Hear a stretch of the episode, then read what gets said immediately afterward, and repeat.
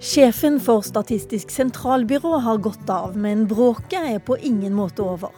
Kristine Meyer hevder hun var utsatt for utidig politisk innblanding. Og tidenes dårligste KrF-valg er nå evaluert. De mangla et politisk prosjekt, var dårlig organisert, og få skjønte hvem de egentlig skulle samarbeide med. Mer om krisen i KrF siden. Akkurat nå handler det om SSB. Kristine Meyer har fått sin sluttpakke fra SSB. Og på denne første morgenen uten direktørjobben vil hun heller sove ut enn å stille her i Politisk kvarter. Men til VG hevder altså Meyer at Finansdepartementet sa at alt ville gå fint dersom den omstridte forskeren bak innvandringsregnskapet fikk beholde jobben sin i forskningsavdelingen. Finansdepartementet avviser, som vi har hørt i Dagsnytt, at de har sagt noe sånt. Men eh, Meyer står fast på at dette var beskjeden hun fikk, og at dette er utidig politisk innblanding i Statistisk sentralbyrå. Knut Arild Hareide, leder i Kristelig Folkeparti, hvordan oppfatter du dette? Jeg syns nok det er oppsiktsvekkende informasjon som kommer fram i VG i dag. Vi vet jo at Statistisk sentralbyrå de skal være politisk uavhengig. Vi skal kunne stole på SSB, uavhengig av hva politisk farge det er på statsråden i Finansdepartementet. Og her kom det altså fram informasjon der en altså da går inn i enkeltpersoner og enkeltsaker. Eh, vi er jo alle enige om at vi skal ha god informasjon, statistikk på innvandrerfeltet. Det er vi alle enige om. Vi er òg enige om at eh, Finansdepartementet er, må ha mulighet til å sikre at de oppdragene de ber om fra SSB, blir ivaretatt. Men nettopp den faglige integriteten, uavhengigheten til SSB, den er jo klokkeklar. Og her kan jo det tyde nettopp på at eh, Finansdepartementet har gått over ei grense. Nå har ikke vi hørt Så dette høres ut som utidig politisk innblanding, syns du? Ja, hvis denne informasjonen stemmer. Eh, så er det klart at det er alvorlig for Finansdepartementet. Men nå har ikke vi fått Finansdepartementets redegjørelse. Eh, og jeg mener jo det er behov for departementet nå å klargjøre hva som har skjedd her. Og jeg skal bare love deg at jeg har spurt Siv Jensen flere ganger om å møte her i Politisk kvarter i dag, men det har hun takka pent nei til. Eh, jeg må få spørre deg også, Trond Giske, nestleder i Arbeiderpartiet. Oppfatter du også at det er politisk innblanding, eller vil du vente til, det, til du vet mer? Det Kristine Meyer sier i VG, er er ganske oppsiktsvekkende. Der er jeg helt enig med Hareide. Eh, hvis det er sånn at Finansdepartementet har blanda seg borti eh, stillingsplasseringer for enkeltforskere, enkeltprosjekter, så er det brudd med den uavhengigheten som SSB har etter loven. Og Kristine Meyer sier jo også at hun var klar til å stille hele omstillinga i bero, men ikke fikk lov til å gå ut med dette på elleve dager. Eh, etter eh, beskjed fra Finansdepartementet. Det er også veldig spesielt, hvis det er riktig. Men nå har vi ikke hørt Siv Jensens versjon. og eh, Det dramatiske her er jo at en SSB-leder går av egentlig etter å ha blitt sagt opp av finansministeren, uten at det er gitt en god begrunnelse. Det er jo den som mangler nå. så Vi kommer jo til å etterspørre hva er grunnen. Det er helt legitimt for Finansdepartementet å ha en mening om de store omstillingene i SSB. Gi beskjed om det, passe på at SSB fyller sin samfunnsrolle.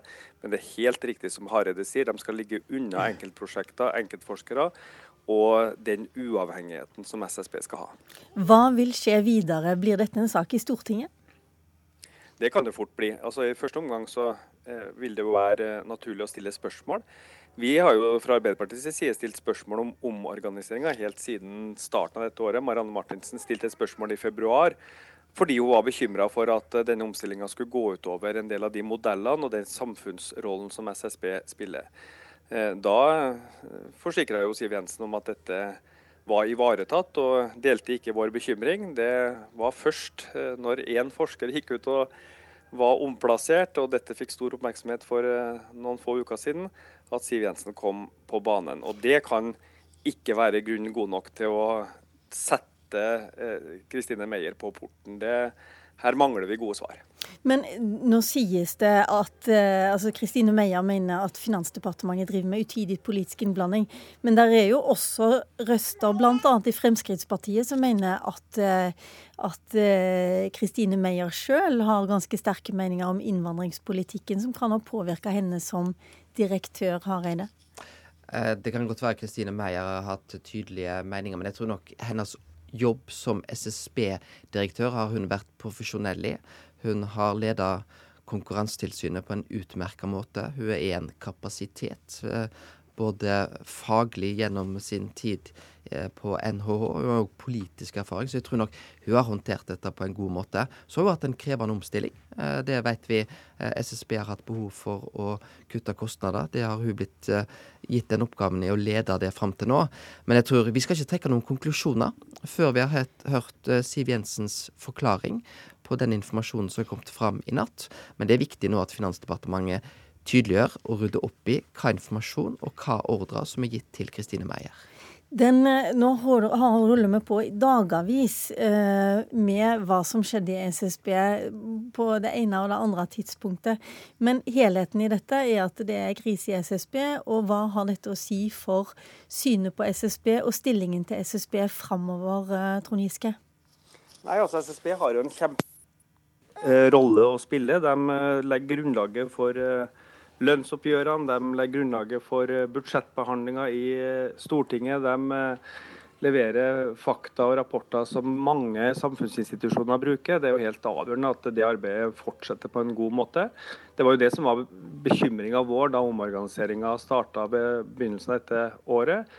At det nå blir en stopp i den omorganiseringa i påvente av det utvalget som skal utrede SSB, det burde ha skjedd for lengst. Men eh, det er jo viktig at SSB nå får en ny leder på plass eh, raskt, og at eh, det blir tillit i organisasjonen og ro for å gjøre det viktige arbeidet SSB skal utføre.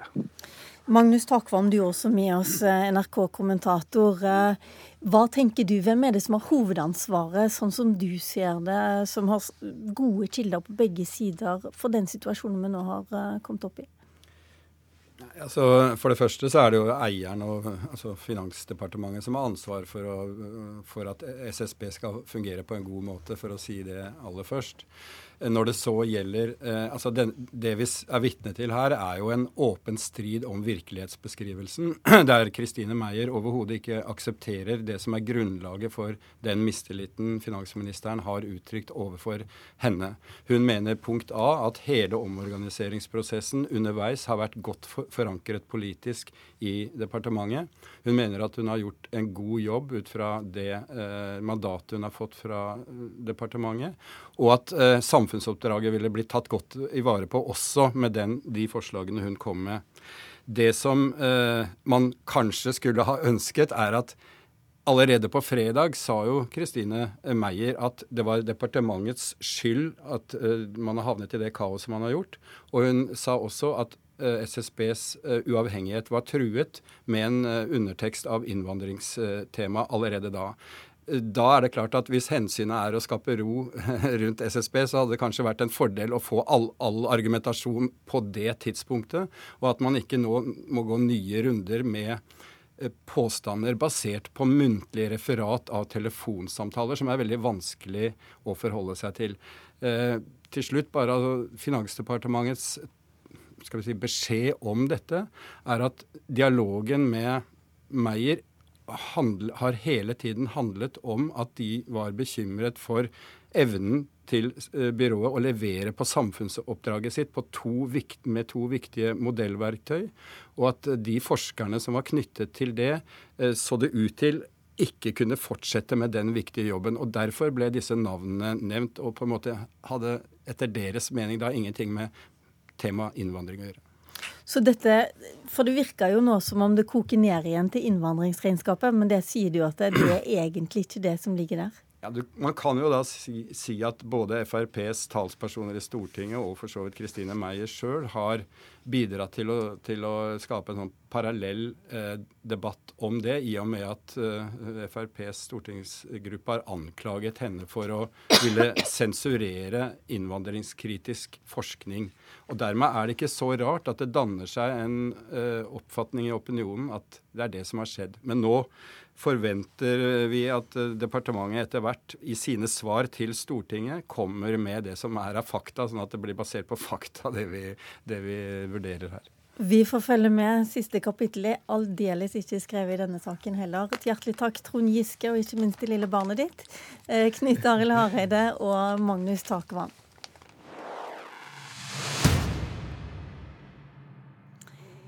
Ja, Knut Arild Hareide, du skal få sitte litt videre. For eh, dere har evaluert eh, KrF sin valgkamp nå i helga.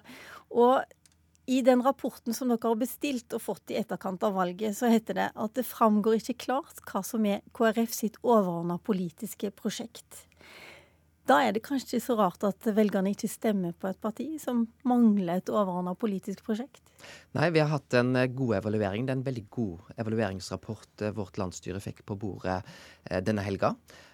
Og vi skal òg være så ærlige å innrømme at vi lyktes ikke i denne valgkampen med å få fram tydelig vårt politiske prosjekt. Men her er jo spørsmålet om dere hadde et politisk prosjekt? Ja, det tror jeg eh, vi er enige om at vi har et tydelig politisk arbeid. Altså, det er jo et politisk parti som er veldig tydelig på familiepolitikken, som er opptatt av nettopp det sosiale hjertet, det at vi skal ha mindre forskjeller, ha en politikk for de som trenger det mest. Vi vet at KrF har den tydeligste stemma i viktige verdispørsmål. Vi er garantisten for både kristendommens plass i vårt samfunn, at de verdiene skal prege vårt land. Og Hvis du drar Men, den lista litt ja. lenger nå, så vil jeg si at det står også her at dere ikke kan prioritere blant alle disse sakene. Ja, jeg, jeg tror nok at vi har gjort våre tydelige prioriteringer òg. Men det jeg tror vi skal være ærlige og innrømme, var at i denne valgkampen her så lyktes ikke vi å nå ut med de sakene. Til det blei lyden og støyen rundt samarbeidsspørsmålet så stor at uh, de gode politiske sakene de kom i skyggen. Og da er det naturlig nok viktig å ha gode strategiske avklaringer for å få til en tydeliggjøring. Og så sies det her at eh, samarbeidsvedtaket det var det aller viktigste. Og du sier at eh, dere klarte ikke helt å kommunisere det vedtaket. Kan du ikke bare prøve på nytt? Hvordan vil du kommunisere dette vedtaket som innebar at dere gjerne ville ha Erna Solberg, men dere ville ikke ha Frp. Og dere kunne kanskje muligens, hvis om at det dersom det, åpne for Arbeiderpartiet. Altså, Vedtaket vårt var relativt klart. Det sa jo at vi ønsket en sentrum-høyre-regjering. Hvis ikke vi lykkes med det, så ville vi etter all sannsynlighet gå i opposisjon. Men det, det var akkurat... ikke så mange som skjønte det? Nei, jeg tror de skjønner det kanskje bedre etter valget. De skjønner òg at KrF er et politisk parti som sier én ting før valget, og som gjør nettopp det etter valget. Men det skapte en utydelighet òg fordi det kom mange spekulasjoner. Og da er det jo selvfølgelig lett for oss å gi skylda til media. Det tror jeg ikke vi skal gjøre. Jeg tror vi skal ta det ansvaret sjøl og si at den strategien vi la, det var ved dette valget ikke god nok. Derfor har vi et behov for å gjøre et arbeid nettopp for å tydeliggjøre den. Morgenen etter valget var tidligere KrF-leder Valja Svarstad Haugland gjest her i Nyhetsmorgen. Hun pekte på partiets evige dilemma med at velgere forsvinner til begge sider. De går både til Fremskrittspartiet og de går til Arbeiderpartiet og venstresida. Sånn er velgerne til KrF. Og så spørs det om hvem skal en bruke krefter på å få tilbake igjen. Skal en bruke de som da går til Frp, eller skal en bruke de som går til venstresida? Det blir en ideologisk diskusjon som partiet må ta, som jeg kommer til å følge med stor spenning. Har du noen preferanser? Ja. Men jeg har, tenkt, jeg har, ikke tenkt å legge de ut her. Eh, men eh, det blir veldig spennende å høre den debatten som kommer til å komme internt i Kristelig Folkeparti nå framover. Har dere tenkt å konkludere i den debatten, eh, Hareide? Jeg tror den problemstillingen som Sarstad Haugland her kommer med, den vil være en viktig del av vårt videre arbeid.